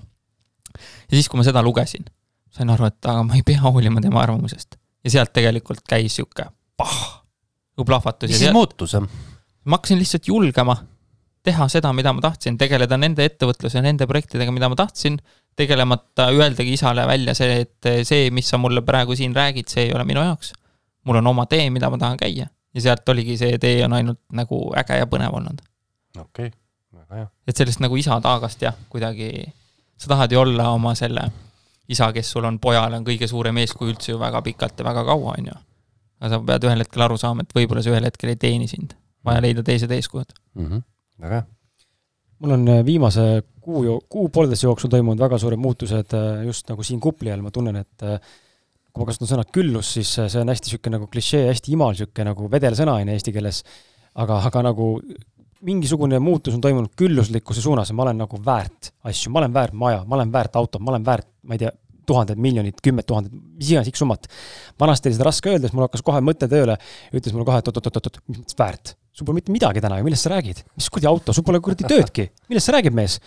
siis, aga mind on aidanud Anne Laun, kes on, äh, tegeleb coach'ina temaga siis viimases äh, sessioonis siis coach küsib äh, küsimusi, eks ole, mina vastan läbi enda mingisuguse filtrite ja siis ma sain aru sellest, et minus on väga suur piitsutamine, enesepiitsutamine, enesesabotaaž, et äh, nii kui ma midagi ära teen, siis ma tahan kohe uut, kaasa arvatud see raamat siin, et ma olen ülimalt tänulik, et see ilmus. tänulik kirjastuse liikmetele, et nad aitasid teha mul seda ja kõiki teistele, kes tegelikult te kõik istute täna siin laua taga, kõik olete oma panuse andnud sellesse.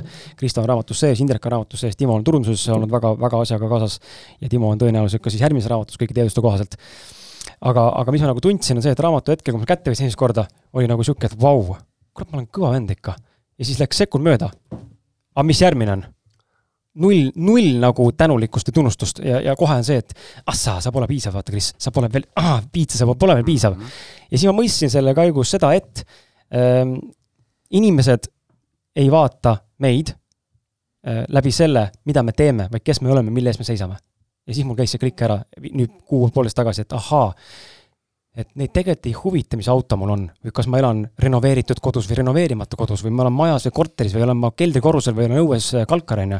vaid neid huvitab see, mille eest ma inimesena seisan, mis on minu väärtused, mida ma hindan ja milline eeskuju ma olen oma, oma olemuse, oma käitumise ja, ja sõnade ja kõige muu juures. ja siis mul sai aru sellest, et okei okay,, ma ei pea ennast piitsutama enam. ma olen tegelikult täitsa vääriline inimene. mul on analoogne lugu sinuga sarnane, et minul hakkas ka kõik materiaalsusest, materiaalsuse hankimisest sai kõrini. et ma ei suutnud enam mõista, et no liiga tihtile käis autode ja asjade vahetamine, et mida no mida see siis sulle annab, et tegelikult seest on tühi ja ma muudkui jälle igatsen uue asja järgi. et see mõjutas mind väga tugevasti, see materiaalsus. ja teine oli siis, ma olen väga palju seltskonna inimene olnud ja seltskondade eh, hakkasin analüüsima ühel hetkel, et noh, mida siis seltskondades räägitakse. ja kuramuse, vot ei tohi analüüsida, see oli nii, nii raske, nii palju mõttetust, nii üksluine, no nii, no tõesti, ma ütlen, ma kasutan veel kord sõna kõrini. mul sai lihtsalt kõrini ja nagu ma ennemgi mainisin, keegi ei usu, aga ma naudin üksi kõrtsus istumist, see kõlab nõmedalt, aga teate, kui vaba ma seal olen ma mõistan eh,. mina ma, saan ka täitsa aru, ei ole üldse hullu. ei, jumal tänatud. Eh, aga enamik küsib, ma ütlen, ma olen kõrtsu, kellega? just mm. -hmm, ei no rahu, ma ütlen, ma olen üksi, ma ei häbene seda öelda, sest tegelikult teate, kui tore on uute inimestega kohtu saada. muidu olen kakskümmend aastat käinud ühe ringkonnaga, kes räägivad kogu aeg ühte juttu. no poo ülesse, eks ju. E, ja, ja vot ma tegin nii jõuliselt, nii jõhkralt need otsused ära, jah, mul on väga paljud sõbrad minust kaugenenud ja ei suhtle. aga so what, uued inimesed nagu teie täna ongi põnevam. ja me ei räägi tilulilu. Ja vot see, need on kaks asja, millest mul see totaalselt kõrin. just jah, võib-olla ei peaks kartma seda, et eh, mingid inimesed su ellu tulevad ja lähevad nagu, nagu sõbrad. hästi öeldud. No, ei peaks kartma, aga seda meeletult kardetakse. et endalgi on mõned keskajasõbrad, praegu meenub kohe mingi hunnik lugusid, me pole võib-olla aastaid suhelnud, võib-olla mm -hmm. me suhtleme, võib-olla ei kohtu nendega, on ju, tont seda teab, aga, aga nendest ei peaks jõuga kinni hoidma lihtsalt, jah. täpselt.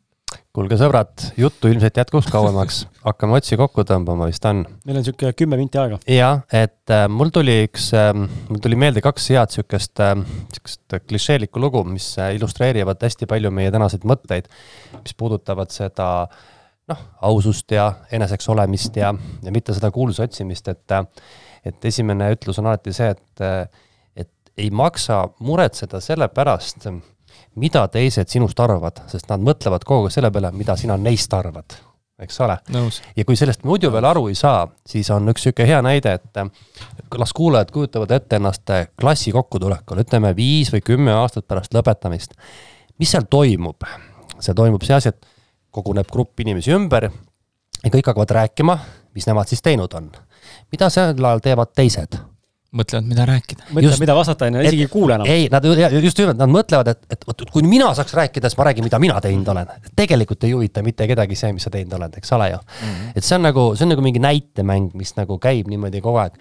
et tegelikult ähm, seda, mida mina olen õppinud ja kui sa, Kris, küsid, mis on minu kõige suurem nagu väljakutse täna, siis see ongi see, et et ka selleks nagu iseendaks olemisest, et, et kõik see tühisus seal ümber, noh, mingid asjad peavad olema, nagu ütles seesama Munk seal, et Ferrari võib ju olla, why not, eks ole, aga mitte sellepärast sa näitad, et see on pere, vaid noh, sulle meeldib kiiresti sõita näiteks. Sharma tuli Eestisse, ta tahtis vähemalt Lexus saada ja musta Lexust, no sai valge. no vot, eks ole. ei küsinud Lamborghinit. ei küsinud. Bentley't. tal Lexusest piisas. no vot, aga, aga ma teeks niimoodi, et ma annaks viimaseks raundiks kõigile veel korraks sõna, et äkki tahate midagi kuulajatele öelda, raamatu kontekstis midagi, et meie lõpp äh, oleks selline veel võib-olla mingisuguse niisuguse aktsendiga. ma alustan sellest ja ma ütlen raamatu kohta nii palju, mida raamatus veel saab teada, et siin on neljakümne kuue inimese eduka, tähendab neljakümne eduka, neljakümne kuue eduka inimese, edukus on muidugi mõõdetav ja defineeritav, aga minu jaoks edukad inimesed omas valdkonnas ja, ja teel sinnapoole nende taipamised, äh, soovitused ja, ja nende saavutused kirja pandud, kuidas jõuda paremasse kontakti ja kuidas teha seda, mida nad teevad, kuidas olla inimene, kuidas olla hea inimene, kuidas olla endaga paremas kontaktis erinevatel tasanditel. lisaks on siin siis kolmkümmend spetsiaalset raamatus kirjutatud väärtust andvat lühilugu ja loomulikult siis äh, hunniku viisi äh, no tõesti hunniku viisi, et äh, kui ühes raamatus tavaliselt on niisugune kümme, kakskümmend head mõtet, kui hästi läheb, siis siin on, ma olen omast arust äh, tõesti olen üritanud endast anda parima, et välja noppida nendest saadetest nii-öelda sellised laused, mis kõiki inimesi võiks kõnetada ja need on lihtsalt järjest võib-olla ei olegi nagu, ta ei ole nagu ühtiv nagu niisugune nagu voolav tekst, ta on väga hüppeline teinekord.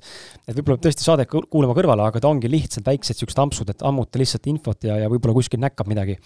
ja me enne siin kui me rääkisime sellest, et mis on olnud need murdepunktid meie eludes, mis on meid hästi palju mõjutanud või nagu hakanud äh, teistmoodi mõtlema, siis Timo rääkis ja ma üritasin mõelda, mis lause see on, mis mul mind nagu mõjutanud on ja mul nüüd tuli meelde.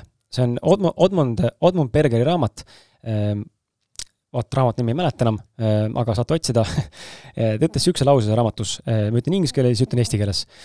ta ütles, et äh, no one is willing to die your death, so why would you let them live your life ehk siis mitte keegi ei ole nõus surema sinu eest, miks sa lased nendel elada oma elu. ehk siis teiste arvamuse tuginemine ei ole mõttekas või teiste arvamustega üldse nagu arvestamine, noh, see on küll, kõlab kalasti, aga nende, nende arvamusele nagu elades ei ole mõtet, sest et lõppude lõpuks sinu eest ei ole mitte keegi nõus noh, lõpus surema nii-öelda. ela oma elu lihtsalt. ja see, mäletan, see pani mulle väga suure põntsu, et ma pean, ma pean endale kindlaks jääma. on kõik, ma ei saa lasta, ma ei saa lasta ennast nagu mõjutada teiste inimeste arvamusest. ma võin kuulata soovitusi, nõus, aga kas ma pean ka kohe käituma selle järgi või elama, kindlasti mitte. väga hea mõte. Ehm, ma võib-olla ütleks, et ärge mõelge, et te hakkate tegema kunagi millalgi, hakake lihtsalt tegema, hakake minema, isegi kui teid ei toetata. Te leiate sellel teel need inimesed, kes siis tegelikult toetavad, on see ettevõtlus, on see kunst, on see raamatu kirjutamine, on see mingi spordiala õppimine, see eriala vahetamine, on see töökoha vahetamine, mis iganes. et ärge lihtsalt, sest noh, surivoodil on, ma arvan, sellele väga valus tagasi mõelda, et pagan, miks ma ei teinud, hakake tegema. väga hea mõte, Indrek. mina ka soovitaksin kõikidele e, selle ükskõik mis vanuses inimene ei ole, kellel vähegi huvi on see, soetada endal see Krisi raamat. E, just seetõttu, et me ei pea ootama sinna püramiidi tippu, vaid e, me saame alustada väga noorelt, väga vara, juba, juba algtõdesid enda sisse ammutades ta kaob küll ära mingitel perioodidel, kui sul on väiksed lapsed ja nii, aga ikkagi sirvige, eh, mõelge kaasa, mõelge kas või lihtsates asjades, miks ta nii käitus või mm, et kunagi ei ole hilja alustada. Eh, ei, tähendab, ei tasu oodata nüüd, et ma jõuan püramiidi tippu, vaid hakake kohe, kui teil see tunne tekkis, on minu siiras soovitus. väga hea mõte. mis on sinu mõte, Kristo? mina olen, äh, ma olen ka seda meelt, mis ma olen juba korduvalt öelnud, et tegelikult äh, noh, tuleb julgeda olla ikkagi ise. et see on nagu see, kõik see kunstlik värk, nagu Indrek ütles, et kõik see materiaalne pool, see on tegelikult nii kuradi tobe ja see, kuidas sa nagu, kus me püüame teistele meeldida, et äh, ka mina olen otsinud seda kuulsust ja feimi nii metsikult taga, ma olen teinud oma elus palju rumalusi, ma olen oma elu püüdnud hävitada alkoholi ja muude asjadega selleks, et, et mitte sellepärast, et kuulsaks läbi selle saada, vaid et kuna ma ei ole saanud kuulsaks, eks ole. et, et see on nagu minu kõige suurem õppetund täna veel. aga ma tahtsin lõpetuseks öelda seda, et, et ma saatsin Kristile ka info, et muuseas raamatut loeb ka Kaia Kanepi. jaa, nägin, vägev. jah, nii et, et oli kirjas, küsiti, mis sa lennukis lugesid, Kris Kala raamatut, kontaktis endaga, väga hea. tasuta reklaam. suurepärane reklaam. ja mina kokkuvõttes tänan, et äh, asendan ise saadet juhtida, väga vahva ja, väga hästi tuli välja. ja väga okei okay on ja loomulikult, nagu alati öeldakse, täname stuudiokülalisi ja järgmiste kohtumisteni. täname koduseid ka ja täname kuulajaid. just, just. ja, ja kuulajaid ikka ka muidugi, loomulikult. just, aitäh. ja minge ostma. jaa, ostke raamat, lugege, tegutsege. okei tšau..